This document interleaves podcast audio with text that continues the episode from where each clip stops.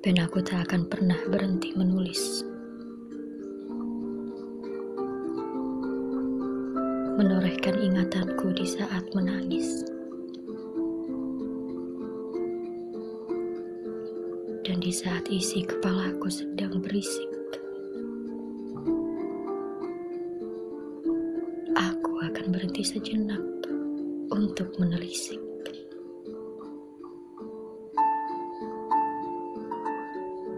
Hanya karena aku terdiam, bukan berarti tak ada kata untuk bicara. Hanya karena aku tertinggal, bukan berarti aku tak bisa kembali berlari. Aku sedang berusaha untuk mencerna semuanya.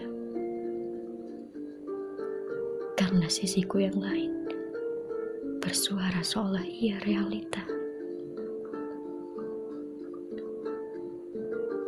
Bagaimana aku bisa berpegang erat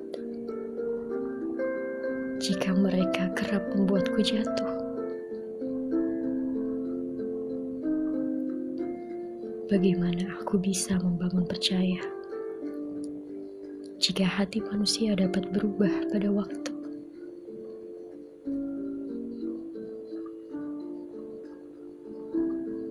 Sendiri, sendiri dengan keramaianku sadari mereka tak menginginkanmu.